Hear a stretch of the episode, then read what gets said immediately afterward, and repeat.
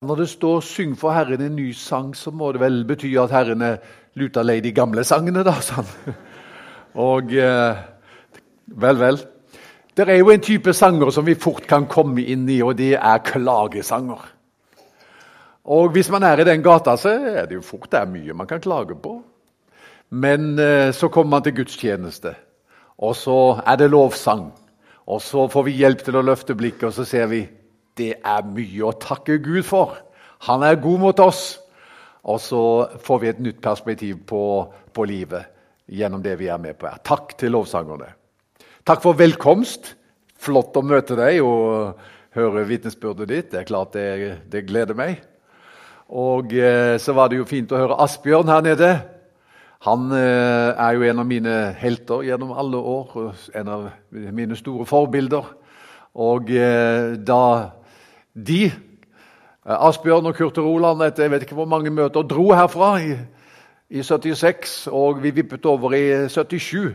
Så inviterte Stavanger misjonsmenighet meg til å komme og være ungdomsarbeider sammen med det var vel 100 i alle fall, eh, og mer enn det, og nyfrelste i menigheten på den tiden. Så 1977 det er et år som jeg alltid vil huske, for da var jeg her eh, sammen med de som var kommet til tro. Et fantastisk år. Og Jeg husker jo også Bergjord, Kjell Erik, hvor ble du av? Der er du. Fra den tiden. Du var styreleder, og vi junioren, og vi hadde mye med hverandre å gjøre. og jeg tenker med glede tilbake på det. Så kunne jeg nevne mange navn, altså, for det er så kjekt å være her. Jeg har jo vært i menigheten tid om annen siden den gang. Eh, men, eh, men 1977 vil jeg alltid huske som et sånn spesielt og viktig år i livet mitt. Så er det mye bra som skjer i menigheten nå. Dere har en fantastisk stab. Eh, og eh, med pastorer og arbeidere og lederskap. Så det er mye å glede seg over. Jeg lurer på hva Gud har for denne menigheten nå. Hva? Vi hørte om 1937, og det kan jeg huske, for når jeg var her i 1977, så var det 40-årsjubileum. Man tenkte på det som skjedde for 40 år siden. ikke sant? Vekkelsen da gleda seg over det. Og nå er det sannelig et nytt 40-årsjubileum. Nå er det 40 år siden Asbjørn og Kurt Roland og 100. Så du, det er noe med det der, at eh, kirkehistorien og menighetslivet også kan gå i noen bølger. Så her er det jo helt tydelig det er sånne 40 års eh, som en sinuskurve med sånne bølger. Og nå er vi altså, nå er vi inne i en ny periode. Hva skal skje nå? Se i Bibelen, så ser du at 40-tallet er faktisk et ganske viktig tall. Et interessant studium i seg selv. Hva som skjedde liksom når 40 år var omme, eller 40 dager var omme. Så gikk man inn i noe nytt og spennende. Det er mest jeg har lyst til å flytte til Stavanger når jeg tenker på det. Hva dere står overfor her nå. Så det skal bli interessant å se. Ok, Men eh, bibelteksten har vi lest, fått lest på en fremragende måte. Takk skal du ha. Og Da skal jeg ikke lese den en gang til, for da har du det i bakhodet. Og Det er altså teksten om disse fire som bærer den lamme mannen til Jesus. Det er det som jeg skal tale litt om. For noen år siden så var det eh, en ungdomskonferanse i, eh, på Østlandet. og Da var det eh, overskriften for denne konferansen det var 'Change the World'. Og jeg må innrømme at når jeg liksom så det med en gang, så tenkte jeg typisk unge mennesker. Skal de gjøre noe, så er det ikke måte på hva de skal gjøre. De skal liksom ikke bare forandre nabolaget eller bety en forskjell i byen, men 'change the world'. Og det går jo ikke an. Eller? En som heter Lauren Cunningham. Eh, jeg vet ikke om han lever ennå, jeg tror det. Han eh, var eh, i alle fall leder for verdens største misjonsorganisasjon, som heter Youth with a Mission ungdom i oppdrag. Og Han sa jo det at vi tar unge mennesker og så sender vi dem ut for å forandre verden før noen rekker å fortelle dem at det ikke går an å forandre verden. Og så gjør de det! For de har ikke hørt at det er umulig. Derfor gjør de det. Og det tenker jeg, det er et perspektiv som vi må få lov å ta med oss også inn i det som vi står i. For vi arbeider i fellesskap med Gud. Disse fire bærerne, eh, fire mennene som bar den lamme mannen til Jesus, eh, de, de, kan tjene som et forbilde på hva som er en av menighetens viktigste funksjoner på jorden. Og det er å bringe mennesker som er i behov, i kontakt med ham som kan møte behovene.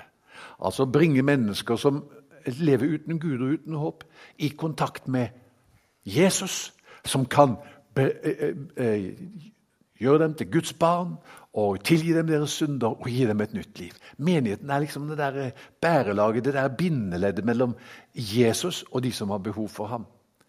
Og Det er mye å lære av eh, måten som de går fram på. Og eh, Det første som jeg har lyst til å si, når vi ser disse bære denne lamme mannen til Jesus og De kommer jo da til synagogen, og det er jo fullt hus.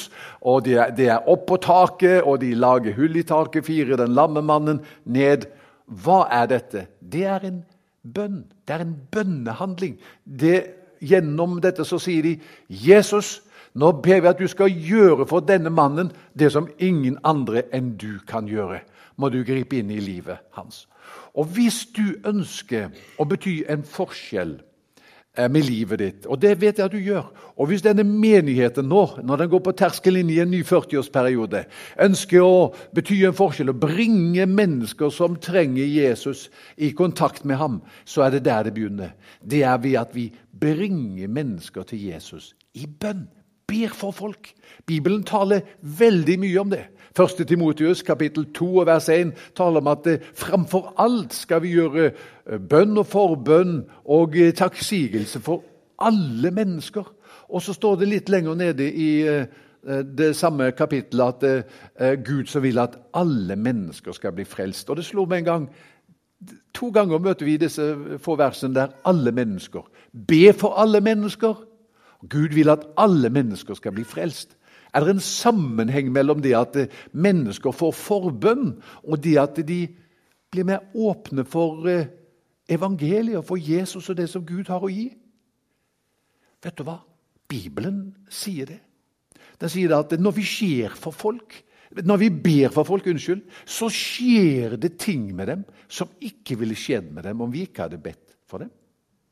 Og eh, Asbjørns historie her er et eksempel på det også. ikke sant? Disse som, som spør dette bønnenettverket hva skjer i Stavanger nå. Vi er blitt så minnet om å be for Stavanger. Sammenheng. Fra Kristiansand, der jeg bor, da. Jeg kommer opprinnelig fra Haugesund. Eh, kan du høre det? Jeg kjenner, Bare jeg sier det, så kan jeg slå over til litt mer araberdialekt. Men, men jeg bor nå i Kristiansand nå, da. Og der er en historie fra Grim kirke som jeg syns illustrerer dette veldig bra, dette med sammenhengen mellom bønn og det at mennesker får møte Gud. Og Det var en som heter Johan Skoge, som var uh, klokker i, en, uh, i, Den norske kirke i Grim menighet i Stavanger. Nei, Kristiansand. Unnskyld. Og eh, Han hadde en bønnegruppe, og de ba for ulike behov og mennesker. Og så sier han det at eh, En dag de hadde den bønnegruppa, sier han jeg har fått lagt på mitt hjerte at vi skal be for en familie som bor rett nede i nabolaget her. Og, og jeg tenker Skal vi legge inn et ekstra gir? Skal vi be for dem, ikke bare sånn når vi er sammen på bønnegruppa, men og så tok han litt kraftig i så sa han, skal vi be for dem tre ganger om dagen? Det var liksom øh, å heve det opp noen hakk i forhold til det de var vant med. Tre ganger om dagen. Ja, det behøver jo ikke være lange bønner, men hvis vi blir enige om det at vi ber Nå husker ikke jeg akkurat øh, klokkeslettene, men la oss si det var klokka åtte, og klokka tolv og klokka seks. Hvis vi ber for dem, vi som er i denne gruppa, uansett hva vi holder på med, hver dag på disse klokkeslettene, og så ser vi hva som skjer.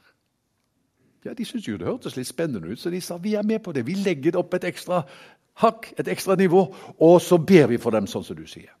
Og Da dere holdt på med dette en stund, så, så sier han Johan da, at eh, nå føler jeg at tida er inne for å invitere denne familien. Nå er liksom Neste skritt det er at vi inviterer dem på gudstjeneste. Eh, og Så sier han til en av de andre blir du med meg, så går vi ned nå. Og så ringer vi på døra og spør har dere lyst til å være med på gudstjenesten på søndag. Ja, ja, det var en god idé. Så de er to stykker som går ned, ringer på døra. og eh, Far i huset åpner døra, de tar på seg sitt fineste smil og presenterer seg høflig og sier vi kommer fra Grim kirke. og Vi lurte på om du har lyst til å komme på gudstjenesten på søndag. Det er, det så var det sikkert en, en passende gudstjeneste. ikke sant så? Vil du komme da? Så sier denne mannen. Må man vente helt til søndag før man kan bli frelst? Nei, sier han Johan Skoge, han er litt perpleks over dette spørsmålet. sier han, Nei da, det går an å bli frelst på en ukedag også. Det går absolutt an. Og eh, en annen ukedag, liksom. Så ja, forklarer denne mannen i huset. da. Du forstår det. Og her i huset så har vi ikke hatt så mye tanke for Gud. Vi har hatt det så travelt. Livet, det, det, er så mange ting som kommer på tallerkenen, og vi har liksom nok med å sjonglere alt dette. Så Gud har liksom kommet ut i livets periferi. Men i det siste så har vi begynt å tenke på Gud. Vi har kjent på en sånn en tomhet inni oss og en lengsel etter Gud. Og det rare er at denne lengselen er spesielt sterk tre ganger med dagen. Klokka åtte og klokka tolv og klokka seks. Kan du forklare dette? Da ser de på hverandre, Johan Skoge og kameraten. Så sier de, så ser blikkene De sa det ikke da, men blikkene sa Vi har oppdaget. Vi har nå sett noe som vi bare har ant, men nå har fått bekreftet. Det er en sammenheng mellom at folk får forbønn, og det at de blir åpne for Gud. Ikke hadde de trodd at deres bønner klokka åtte, og klokka tolv og klokka seks skulle ha en sånn bokstavelig og håndgripelig påvirkningskraft i livet deres. Så når jeg hører det, så, så, er det liksom ved på bålet. Og jeg tenker det er noe som jeg kan være med på også. Og Jeg, jeg har fortalt det til forskjellige, og jeg husker jeg sa at en pastor en gang han ringte meg begeistret etter 14 dager. 'Det virker', sa han. var først han sa 'Hei', presenterte seg, sa han. 'Det virker'. Hva da, sa jeg. Å be tre ganger om dagen for folk. Nå han, hadde, var en av naboene hans som var kommet til tro. Vel, vel, nå, nå, nå, er det noen ganger vi må be lenger, absolutt. og vi har, vi har, ikke løst lidelsens problem med dette. det er ikke det jeg sier. Men det er en sammenheng mellom forbønn og det at folk i en by, i et nabolag, i et hjem, i en familie åpner seg for Gud. Så Det er jo det ene. Disse fire som bærer den lamme mannen til Jesus, det er en bønnehandling. For det andre så kan vi si at det disse fire gjør, det er at de gjør en god gjerning mot denne mannen. Jesus er i Kapernaum. Det er masse folk. Han er lam i beina. Han kan ikke komme seg på møte. Eh, men disse fire de gjør da den vennetjenesten eh, mot ham at de sier vi skal hjelpe deg. De skjønner jo det at vi kommer ikke til å få de beste plassene nå, for vi kommer til å komme sent. ikke sant? Så De tenker ikke på seg selv, men de tenker på denne mannen og hva som er hans beste, og gjøre godt mot ham. Og Vi tenker jo som så at eh, hvis vi skal vinne mennesker for Gud og bety en forskjell i hjem, nabolag, på arbeidsplass osv., så, videre, så må vi preke for folk. Men det er, jo, det er jo sånn folk kommer til tro. Vi må preke for folk. Men det er ikke det første vi skal gjøre. Det første vi skal gjøre, er ikke å preke for folk. Jesus sa 'Dere er jordens salt'. Hva er det salt gjør? Salt skaper tørst. Så det første vi må gjøre, det er å skape tørst. Og hvordan skaper man tørst? Ja, Det kan være på mange måter, men en av måtene er uten tvil dette gjør godt mot folk. Kjærligheten er det språket alle forstår. På 1700-tallet var det en biskop i England jeg lurer på om han het Butler, jeg er ikke helt sikker, men han ble kjent eh, fordi han sa nå er det så få kristne i England at kristendommen kommer til å dø ut med meg og min generasjon. Det var dårlig stelt. Så gikk det bare noen tiår, og så var det flammer over hele England. Altså England opplevde en folkevekkelse som sparte dem fra en revolusjon tilsvarende den franske. I stedet for eh, en blodig revolusjon så ble det en bevegelse i det engelske folket mot Gud. Og Noen av de som sto i dette, det var brødrene George Wesley og John Wesley, og det var en kar som heter George Whitfield også. Og Det er mange aspekter ved deres liv og tjeneste, men en av de tingene som jeg la merke til når jeg har lest om dem, det er hva de sa til de nyomvendte. De sa gjør alt det gode du kan, med alle midler du kan, på alle måter du kan, mot alle mennesker du kan, til alle tider du kan, så ofte du kan, og så lenge du kan. Noe i den duren der. Det var ikke helt ordrett. Men poenget var gjør godt på alle de måter og muligheter som åpner seg for deg. Det er et språk som alle forstår. Og jeg gleder meg over alle de diakonale initiativene som nå finner sted i Misjonsforbundet. Over hele landet. Det er ikke en uttenkt strategi fra Misjonsforbundet sin side, men det er liksom bare noe som Gud eh, føder fram i menighetene. Vi må, eh, som det heter i, eh, i en menighet som jeg kjenner litt til, finn et sår og leg det. Finn et behov å møte i Jesu navn. Et eksempel fra Misjonsforbundet fra uh, litt tilbake i tid. Om to evangelister. Jeg liker uh, liksom, uh, måten de gjorde det på. De bodde i et hjem da, i en østlandsbygd. Og så var det slik at de hadde da vekkelsesmøter, sånn som Asbjørn og Kurt Roland hadde. Men det var en generasjon før dem, tror jeg faktisk. Og så Kona i huset hun var en brennende kristen og med på møtene, men mannen han var det ikke. Og han hadde ikke eh, tenkt å bli med på noen møter heller. Så går denne møteserien mot slutten, og så sier kona til mannen da eh, ja, 'Vil du ikke være med på møtet?' Nei, nei da, det var ikke aktuelt. Men disse to evangelistene de, de, så. Han jobbet i skogen, denne karen. Og så så de hver dag når han kom hjem fra skauen, så rundet han liksom hushjørnet, og så hadde han masse ved som han skulle ordne opp i sjøl, eh, som skulle både kløyves og, og eh, stables opp på, langs husveggen. Og de så han gjorde litt hver dag. Så tenkte de hm, kanskje vi skal hjelpe han litt med det.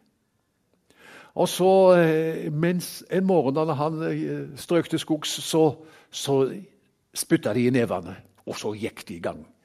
Og de saga, og de kappa, og de kløyvde, og de jobba hele dagen. Og de hadde det moro, og de sang, og de, de, dette var noe liksom utenom det vanlige. Og de ble ferdig. Fikk linet opp langs veggen. Klar til tørke, liksom. Og nå var de spent. Det skal bli artig å se på reaksjonen. Så de fulgte med bak gardina, for de visste nå er klokka der, og nå begynner han eh, tida være der for han skal komme. Så de fulgte med. Jo, der kommer han. vet du. Kjent stil. Runde hushjørnet og skal ta fatt på veden. Og blir stående som fjetret. Der er det ferdig. Det er line opp. Han blir målløs. Når de spiser middag, så er det så stille. Og så våger hun seg frampå en gang til. Du vet, På søndag er siste møte, og du har ikke lyst til å være med på møtet, da? Hun har spurt flere ganger. Jo, sa han.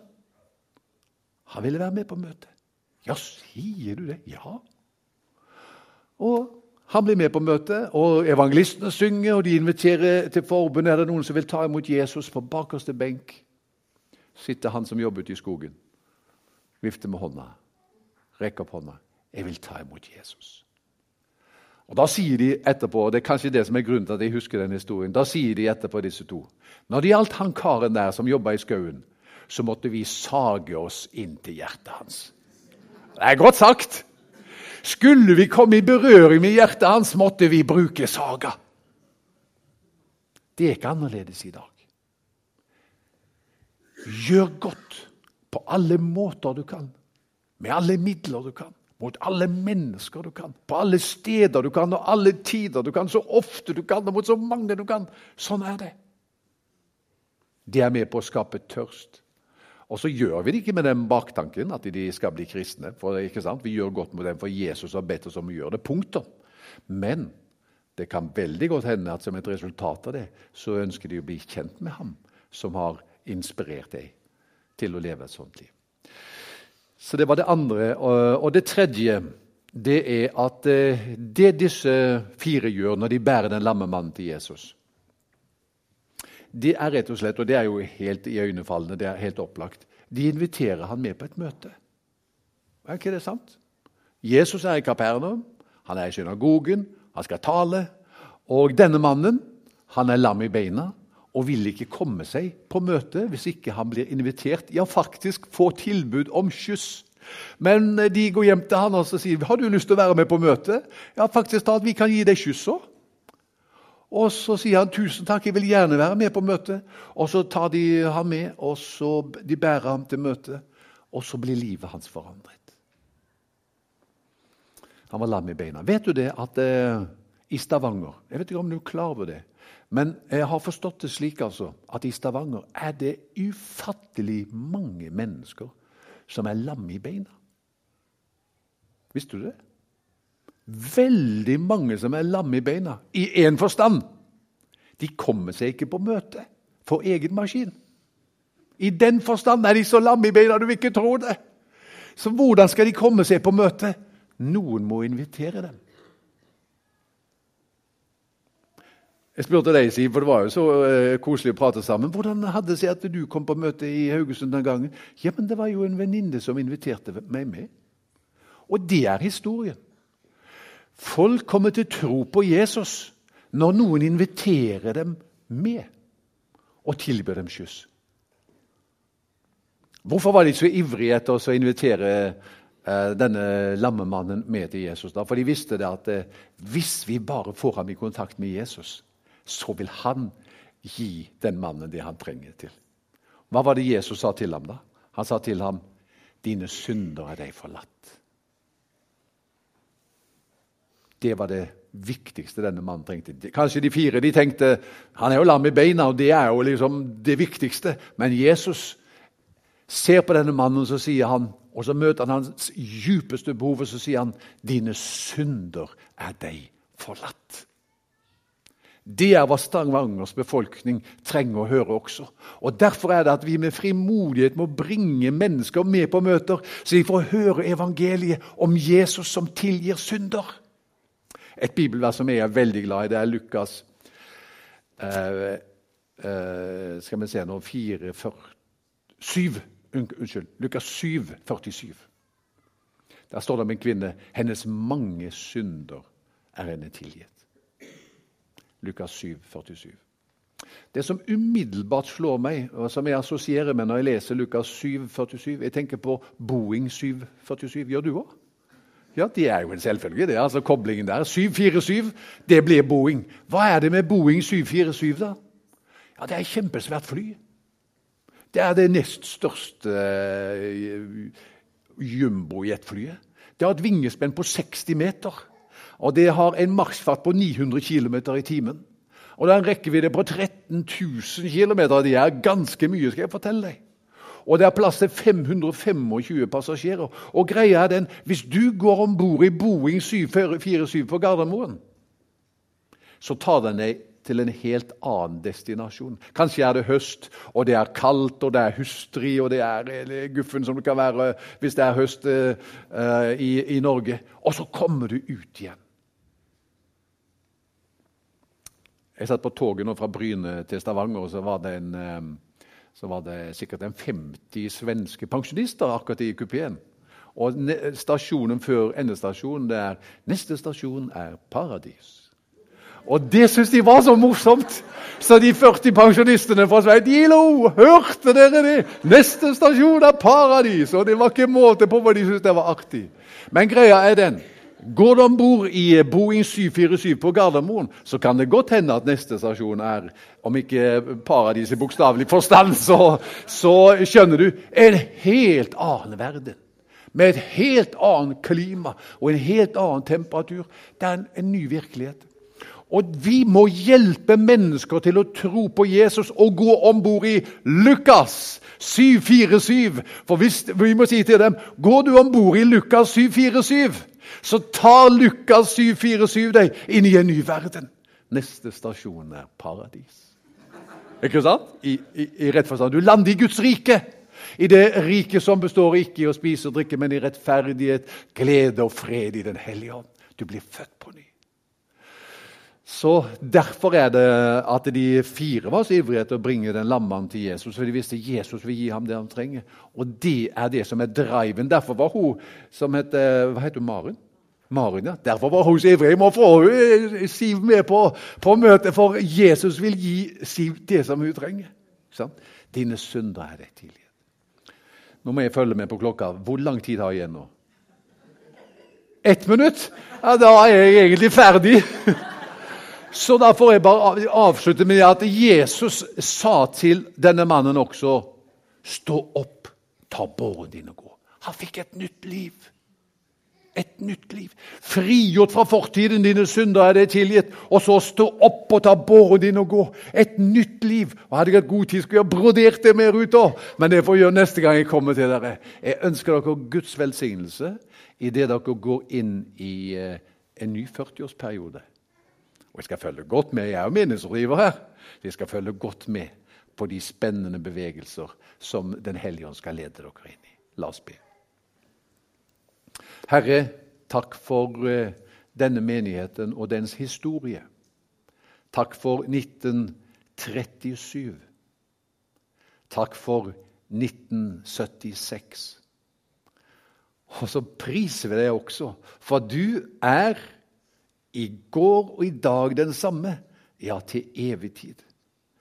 Og det betyr at den du var i 37, og den du var i 76, den er du i dag òg.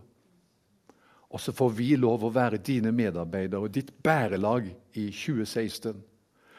Og takk at du skal gi oss visdom og frimodighet og kjærlighet til å handle i tråd med sånn som de fire vi leste om i Bibelen, gjorde. Og så har jeg lyst til å be helt på tampen for den som kjenner på det at eh, å, jeg kommer hit i dag, og det er nederlag jeg har med meg. Det er svikt. Og jeg takker deg for at ordet lyder over deres liv. Jesu Guds sønns blod renser for all synd. Amen.